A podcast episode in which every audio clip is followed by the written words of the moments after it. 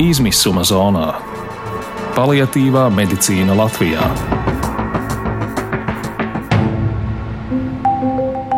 Īstenības izteiksme 15 minūtēs.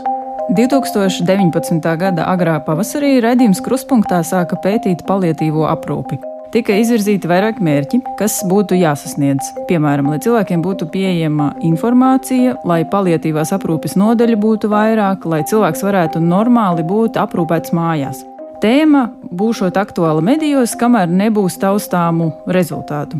Mani sauc Justīna Savicka, ar mani studijā kopā ir Evija Unāma. Sveika! Sveika! Tu sāki projektu izmisuma zonā. Sāku gan. Un mēs kopā konstatējām, ka šo mērķu ir stipri vairāk. Var teikt, ka paliatīvā aprūpe pie mums šobrīd ir sagrābstīta, un vairāk nav nekā ir. Šodien mēs par to runājam, tāpēc ka Doma laukumā šodien noslēdzas labdarības maratons DOT 5, kurā mēs vācam līdzekļus cilvēkiem, kuriem šī izmisuma zona ir tieši šobrīd. Un šis ir labs brīdis, kad var apkopot to, kas ir saprasts, kas ir izdevies līdz šim. Pirmais, ko var dzirdēt pacientu vai tuvinieku stāstos par paliatīvo aprūpi, ir tas, ka nav informācijas, ka cilvēki nesaprot, uz kurien viņiem jāiet, viņi nesaprot, kas viņiem jādara, viņi nesaprot, kādā secībā, kur meklēt palīdzību, kur meklēt informāciju. Pirms kāda brīža paliatīvās aprūpes Facebook grupā izmisuma zonā tur rakstīja, ka nu, ir izdevies, ka bukleti par paliatīvo aprūpi esot pieejami slimnīcās. Nu, ja būsim precīzi, es biju sajūsmā par to, ka veselības ministre raidījumā Krustpunktā, kur viņi bija uzaicināti uz iztaujāšanu, kurā mēs arī jautājām par paliatīvās aprūpas jomu. Tā bija trešdiena, 4. septembris. Teica, ka jā, šajā piekdienā ir gala termiņš, un šie bukleti būs. Ar visu, lai arī nelielo, bet pieejamo resursu, kas šobrīd ir valstī dabūnams palietīvā pacientiem. Šādus bukletus izvietosim slimnīcās, piedāvāsim arī reģionu slimnīcām, un tas būs arī, protams, elektroniski pieejams. Ja, to. 19. decembrī, kad arī mums krustpunktos viesojās veselības ministre un arī viņas padomniece, tika atzīts, ka šo bukletu vēl nav. Tagad vai nu ap Ziemassvētku laiku, vai varbūt 20. gada pašā, pašā sākumā caur ārstniecības iestādēm pie pacientiem nonāks Veselības ministrijas, NVD un arī Labklājības ministrijas sagatavoti tādi ceļveži. Ejam tālāk. Gultas vietu skaits un pieejamība. Šobrīd valsts apmaksātajās iestādēs ir tikai 98 gultas vietas. Un nav tā, ka es tur varu gulēt mēnešiem ilgi. Nē, 7 līdz 10 dienas. Kā ārsts saka, mēs stabilizējam pacientu un atdodam tuvinieku rokās. Vai nu mājās, vai arī privātajā sektorā. Bet tad ir jāsāk rēķināties, ka šis pasākums jums maksās sākot no 1200 eiro mēnesī. Tas ir neskaitot zāles. Neskaitot zāles. Ideālā variantā palietīvās aprūpes nodaļai vajadzētu būt katrā reģiona centrā. Un plus, protams, ir ļoti, ļoti, ļoti vajadzīga ambulatorā palietīvā aprūpe, jo tā strauji samazinātu arī šo rindu ilgumu uz palietīvās aprūpes nodaļām.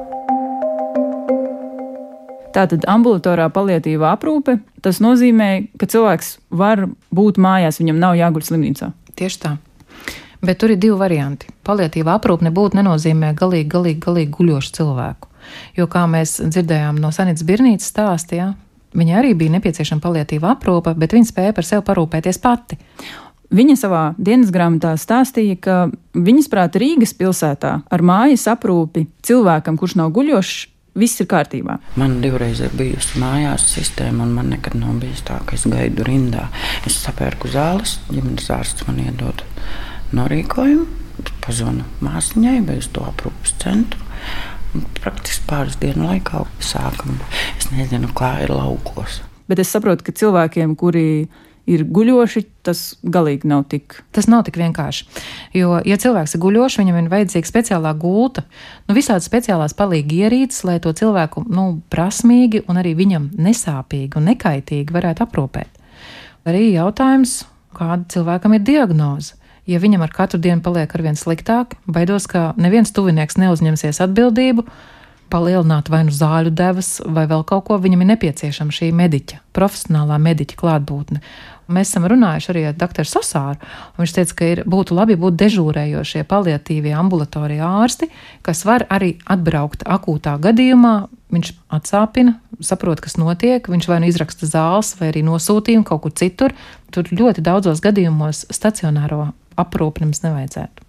Mums ir bijuši arī stāsti par ambulatorā palietīvu aprūpi, tad aprūpi mājās. Pieredzes stāsti par to, kā ir citās valstīs.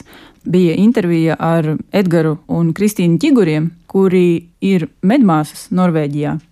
Un viņi stāsta, ka tur tā sistēma strādā tādā veidā, ka māsa ar ārstu sazinās e-pastā. Telefoniski, elektroniski, un viņš šo informāciju nodod ģimenes ārstam, kas attiecīgi izraksta šīs e-receptes, kuras mēs mājas aprūpē strādājušās māsas pasūtām no aptiekas visu nepieciešamo zāles. Mēs ar viņām dodamies pie pacientu uz mājām. Mēs reiz varam ziņot, ka mēs redzam, ka piemēram šī asāpināšana nefunkcionē. Pacients tiek iesaukts uzreiz atpakaļ slimnīcā. Visiem palīdzības aprūpas pacientiem ir nezinu, open return. Jā, tas saucās atvērtā atpakaļ atgriešanās slimnīcā. Apjot uzņemšanas mm. nodaļu, nodotos tajā nodaļā. nodaļā, tiek veikta procedūra, tas ir dažu stundu jautājums. Un atpakaļ mājās, un mēs turpinām. Bet nav tā, ka Latvijā palietīva aprūpe mājās nedarbojas vispār. Vismaz ar bērniem, nu tad cilvēkiem līdz 18 gadu vecumam, tas tiek nodrošināts. Un, kā stāstīja Aina Brieda, viņa ir bērnu palietīvās aprūpes biedrības valdes priekšsēdētais vietniece un arī kapelāne. Tas varētu būt piemērs, kā varētu izskatīties pieaugušo palietīvā aprūpe. Kur viņš ir 24 stundu laikā, 7 dienas nedēļā, var jebkurā mirklī konsultēties ar ārstu, ar garīgās aprūpes darbinieku, sociālo darbinieku, ar psihologu. Tad, tad, kad viņam ir 18, tad viņam šo pakalpojumu vajag, bet tādas iespējas nav. Nu, lūk, paliekot 18 gadus vecam, sākās izmisuma zona. Tieši tādu vienu stāstu mēs dzirdējām redzījumā īstenības izteiksme. 19 gadus vecā Arta tēvs, kurš šobrīd ir spiests nepārtraukti domāt par to, kā nodrošināt savam dēlam pārtiku. To vairāk uh, valsts nesedz. Artim arī vajadzīgi ir, ir auklītis. Cilvēkam jābūt klāta 24, 7, kā es pats ar te kā braucu darbus, nevaru visu laiku arī veltīt. Tagad ar tas jau ir smagāks palīdz, viņai pat nevar vairs izcelt. Mēs vēl tagad pieslēdzām klāt arī arī auklītes vīru. Nu, viņi tagad, kad esmu darbā, viņi trītā pa mājām dzīvojās. Jā. Labi, pa naktīm arī mēs ārtis guļ, guļ savā gultā, un es guļu viņam visu laiku blakus. Un pa nakti, lai nerastos izgulējam, tad pa nakti mums divas, trīs reizes jābūt ir, nu, jāgrozās pa nakti. Nākamais mērķis, kas bija izvirzīts projektā izmisuma zonā, ir runāt par mediķiem un mediķu izglītību. No nu, ar mediķiem ir šausmīgi.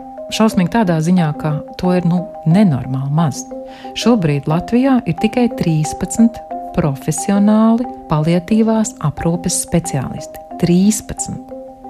Un tāpēc ir ļoti vēlama veselības ministrijas un arī izglītības ministrijas sadarbība. Un nauda nav īstais motivators. Tur ir vajadzīga, kā mediķi paši uzskata, tas psiholoģiskais atbalsts, atbalsta personāls un arī atbalsts no valsts puses, lai būtu nodrošināts. Tu zināji, ka mediķiem vēl joprojām pašiem nav veselības apdrošināšanas? Bet tas ir stāsts arī par mediķu attieksmi. Stāstos, kurus mēs saņēmām vai kurus mēs atradām, var redzēt, ka mediķi mēdz nesaprast, ko tajā brīdī jūt cilvēks. Es gribētu nedaudz kā nostāties ārstu pusē, mediķu pusē, jo viņi ir, kā jau es iepriekš teicu, nenormāli maz. Pacienti ir nenormāli daudz. Strādāt vispār šajā jomā ir ļoti grūti. Nu, tu zināmā mērā varbūt arī jau uzliec sev kaut kādu barjeru riņķī, jo arī šiem pašiem mediķiem viņiem nav nekāda psiholoģiska atbalsta. Protams, ka šiem mediķiem ir jārēķinās ar to, ka tas cilvēks, nu, tā, tā ir viņa vienīgā dzīve. Atnāk, parunājamies, ah, nu tev nespīd, jā, tu ilgi nedzīvosi, vienmēr sakot, meklē pieraksties, jā, būs varbūt kāds laiciņš jāpagaida, bet, nu, ok, ciniski, jo tam cilvēkam tā ir vienīgā dzīve un vienīgā cerība, ko ārsts viņam var iedot. Un, ja ārsts tajā brīdī viņu norok, principā viņš jau tajā brīdī nomirst. Mūsu kolēģi Latvijas televīzijā diagnoza vēzes projektā publicēja arī spikas protokolu. Tas gan attiecās uz pacienta nāves gadījumiem, bet dažus punktus Es domāju, var attiecināt arī sarunās gan ar palietīvajā aprūpē esošu pacientu, gan arī ar viņu tuviniekiem. Informāciju sniegt lēnām, saprotami, atbildēt arī ar emocijām uz emocijām, pat ja viņš nevar palīdzēt. Pat ja viņš ir ierobežots savā darbībās, ja, jo nu, viņš nevar paturēt ilgāk šo pacientu par desmit dienām, bet vismaz emocionāli atbildēt Bet par izglītību runājot, te es gribētu akcentēt arī tuvinieku izglītošanu. It sevišķi brīdī, tad, kad pēkšņi paiet tās desmit dienas, un tev iedod tuvinieku, kurš ir mirstošs, un tu nezini, ko ar viņu darīt.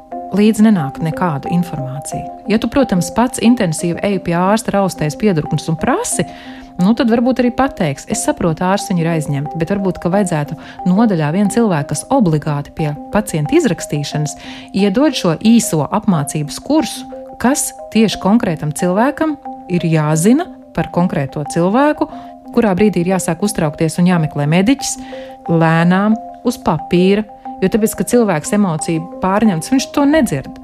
Kaut arī, lai velti nezvanītu, piemēram, ātrai palīdzībai, piemēram, atsāpināt, viņi nevar jo viņiem nav tādu zāļu, kas arī ir svarīgi. Varbūt, ka vajag arī ātrai palīdzībai kaut kādas papildus medikamentus piešķirt. Nākamais mērķis, kas ir izvirzīts projektā izmisuma zonā, ir grozījumi likumos. Ko tas nozīmē? Nosauc pāris piemērus. Pāris piemēri. Visbiežāk tuvinieks, viņa rokās nonāk paliatīvās aprūpes slimnieks, viņš nav spējīgs iet uz darbu, bet viņam neviens atmaksātu atvaļinājumu nepiešķir. Ja tas ir īslaicīgi, varbūt tas vēl ir izcināmi, bet, ja tas ir ilglaicīgi, cilvēki gadiem kop savus tuviniekus. Viņš ir sociāli neaizsargāts. Viņi ir aizgājuši prom no darba, viņa algu nesaņem, ne pensija viņam būs, ne arī darba tirgu viņš tik vienkārši var atgriezties kaut kad. Un šī joma ir noteikti jāskarto.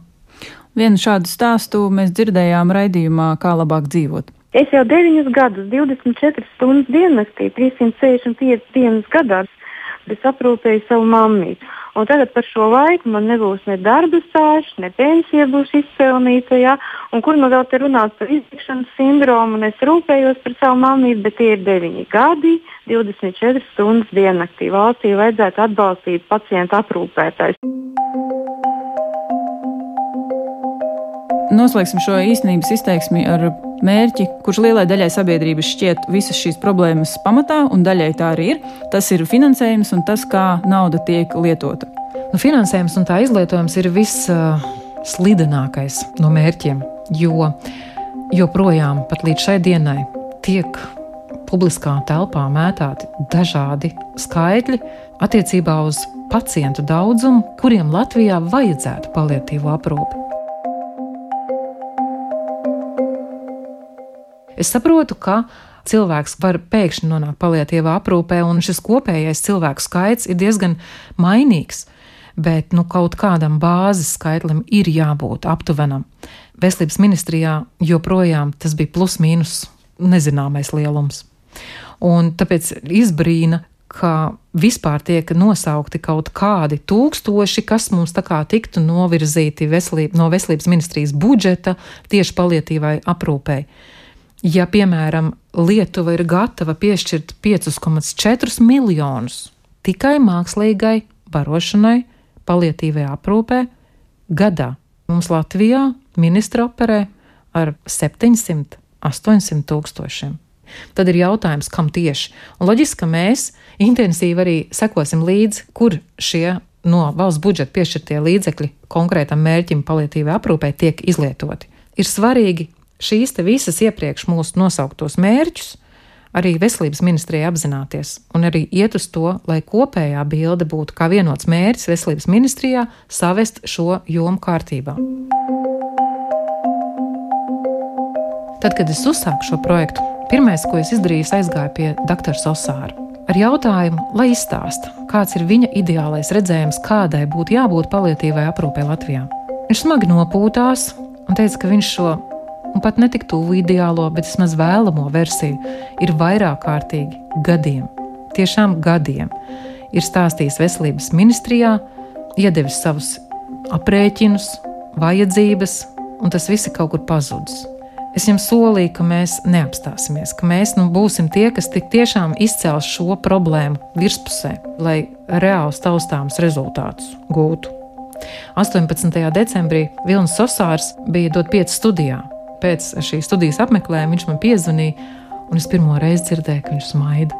Es reāli dzirdēju, ka viņš smaida, jo viņš teica, mums sanāks. Jo tāpēc, ka mēs par to ne tikai runājam, bet sabiedrība par to runā. Tāpēc, ka katrs, teju katrs no mums ir saskāries ar šo smago problēmu, un jāteic, mēs katrs apzināmies, ka mēs esam mirstīgi. Tātad nevar teikt, ka ar šodienu viss beidzas. Noteikti ne. Viss turpinās. Jūs klausījāties raidījumu īstenības izteiksme. Mani sauc Justīna Savicka, ar mani kopā bija Evija Unāma. Paldies! Visu labu! Īstenības izteiksme 15 minūtēs.